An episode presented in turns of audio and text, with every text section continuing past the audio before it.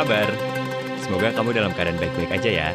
Selamat datang lagi di podcast Stories from Jakarta barengan sama gue Farid. Bulan puasa sebentar lagi selesai nih. Dan kita akan menyambut lebaran. Kalau deket-deket hari lebaran gini, biasanya sih ada satu lagu ya yang sering banget diputar di TV dan juga radio.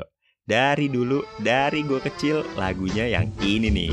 Setelah berpuasa satu bulan lamanya Bersakat fitrah menurut perintah agama Kini kita beridul fitri berbahagia.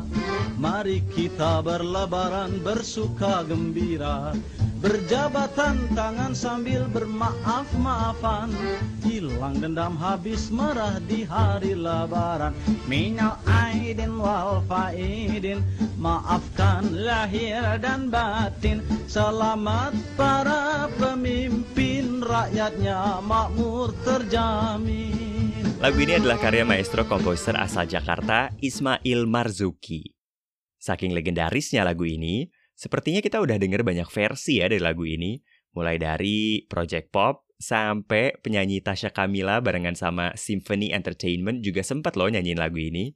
Menurut Kompas.com, lagu orisinalnya sendiri sih direkam di studio RRI Jakarta pada tahun 1954 dan dinyanyikan pertama kali oleh Didi, nama samaran dari Suyoso Karsono. Percaya atau enggak, lagu ini juga loh yang mempopulerkan kalimat minal aidin wal faizin yang sering kita ucapin atau kita baca ya saat kita lagi maaf-maafan. Kalimat minal aidin wal faizin seolah diartikan mohon maaf lahir dan batin seperti dinyanyikan di lagu lebaran itu. Padahal sekarang kita tahu ya kalau minal aidin wal faizin ternyata artinya bukan itu. Masih dari Kompas, Menurut Wakil Rektor Bidang Kemahasiswaan dan Kerjasama IAIN Surakarta dan pengasuh Pondok Pesantren Darul Afkar Klaten, Minal Aidin wal Faizin merupakan potongan dari ungkapan doa. Nah, lengkap doanya adalah Ja'alanallah minal aidin wal faizin, yang artinya Semoga Allah menjadikan kita termasuk dalam golongan orang-orang yang kembali dan orang-orang yang memperoleh kemenangan. Doanya emang pas banget sih ya untuk masa-masa Idul Fitri. Jadi nggak salah juga kalau kita ucapin minal aidin wal faizin ke orang lain. Tapi kesalahan arti ini nunjukin betapa lagu itu bisa punya pengaruh yang sangat besar ya di masyarakat, bahkan ke bawah sampai sekarang. Gue inget banget zaman dulu nih masih masanya kirim-kirim kartu lebaran tuh pas nulis juga minal aidin wal faizin. Eh, kalau kamu nggak ngalamin masa-masa kirim kartu lebaran, well, kita beda generasi nih berarti ya. Dulu itu seperti ada seni sendiri loh, bikin list daftar nama temen yang mau kita kirimin, sambil minta alamatnya mereka, terus kita ke toko buku untuk cari kartu lebaran yang cocok buat mereka. Belum lagi pas nulis nyari kata-kata yang pas. Terus kirim ke kantor pos deh. Atau biasanya sih nitip sama bokap atau nyokap ya. Karena mereka juga punya daftar kerabat, saudara, temen yang mau dikirimin kartu lebaran tuh. Harap diingat, ini masa belum ada ponsel ya. Dan masa ketika parsel masih merajalela. Oke, balik lagi ngebahas lagu Selamat Lebarannya Ismail Marzuki ya.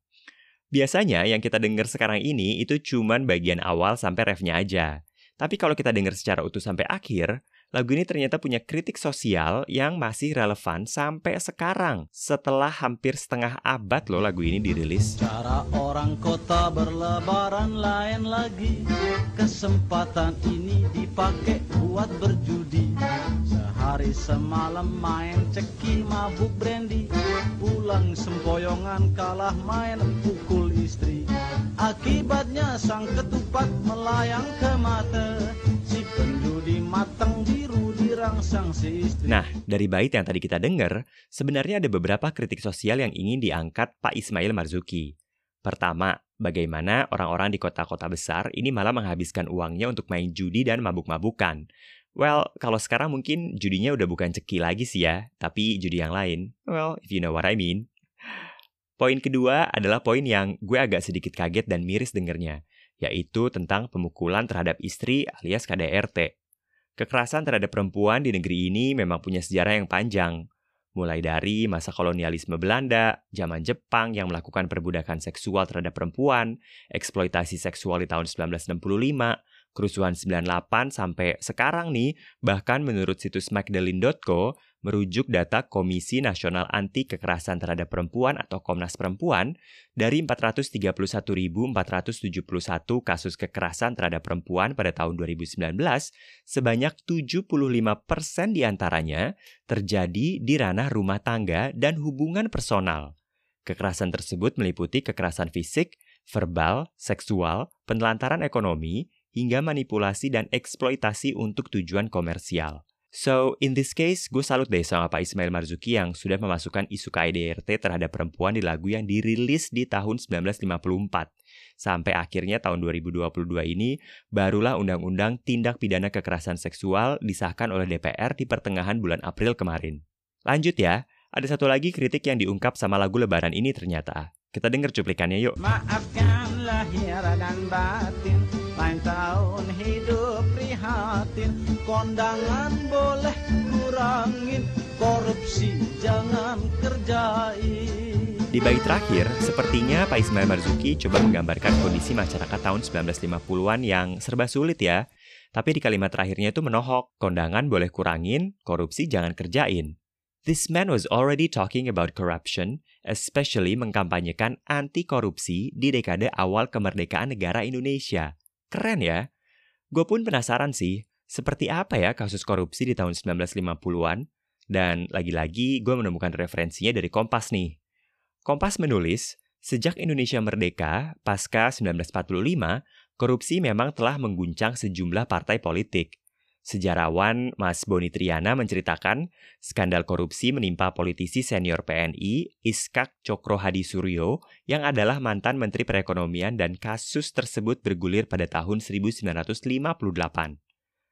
Masih dari Kompas, kasus lain adalah Menteri Kehakiman Mr. Jody Gondokusumo yang menjabat mulai tahun 1953 sampai 1955 yang tersandung perkara gratifikasi dari pengusaha asal Hong Kong Bong Kim Chong yang memperoleh kemudahan memperpanjang visa dari Menteri Kehakiman. Partai besar lain yaitu Masyumi juga ternyata terseret korupsi. Pada tahun 1957, politisi Masyumi Yusuf Wibisono ini ditahan tentara di Hotel Talagasari, Jalan Setiabudi, Bandung karena diduga terlibat korupsi. Ternyata periode 1950 sampai 1965 tersebut emang dipenuhi gonjang-ganjing korupsi dan pemberontakan ya. Deskripsi tentang kehidupan penguasa dan politisi korup pada zaman itu sebenarnya bisa dibaca jelas dalam novel Senja di Jakarta, karya wartawan senior Pak Muhtar Lubis. Hmm, gue pun sebenarnya penasaran nih dengan novel ini, tapi belum sempat baca sih. Tapi ternyata ketika gue Google, gue menemukan skripsi dari seseorang bernama Agung Rahmadi dari Universitas Erlangga dengan judul Tindakan Korupsi pada tahun 1950-an dalam novel Senja di Jakarta karya Muhtar Lubis. Agung Rahmadi ini menulis, tindakan korupsi yang dilakukan oleh tokoh-tokoh partai dalam pemerintahan semakin menambah beban inflasi perekonomian makro. Hal ini ditandai dengan semakin merosotnya kemampuan daya beli masyarakat, serta terhambatnya distribusi barang-barang kebutuhan pokok bagi rakyat. Antrian orang-orang untuk memperoleh kebutuhan pokok ini kerap terlihat di jalan-jalan kota Jakarta yang merupakan barometer perekonomian sekaligus sentral pemerintahan. BAM! Gue saat baca ini langsung berusaha menyadarkan diri kalau tulisan ini tuh menggambarkan keadaan tahun 1950-an loh dan bukan 2022 karena sungguh sangat mirip. Baru sekitar seminggu yang lalu dari podcast ini dirilis ya, tersangka kasus korupsi yang menyebabkan minyak goreng langka dan membuat orang-orang harus antri itu akhirnya ditangkap. well, beberapa hal memang belum berubah banyak ya dari negeri ini. Jadi, sungguh tepat sekali kita mendengarkan ulang lagu Selamat Lebaran karya Ismail Marzuki secara utuh di hari Idul Fitri. And it is just amazing how one song can tell you so much about a country. Selamat Lebaran untuk kamu yang merayakan. Mohon maaf lahir dan batin. Dan minal aidin wal faizin.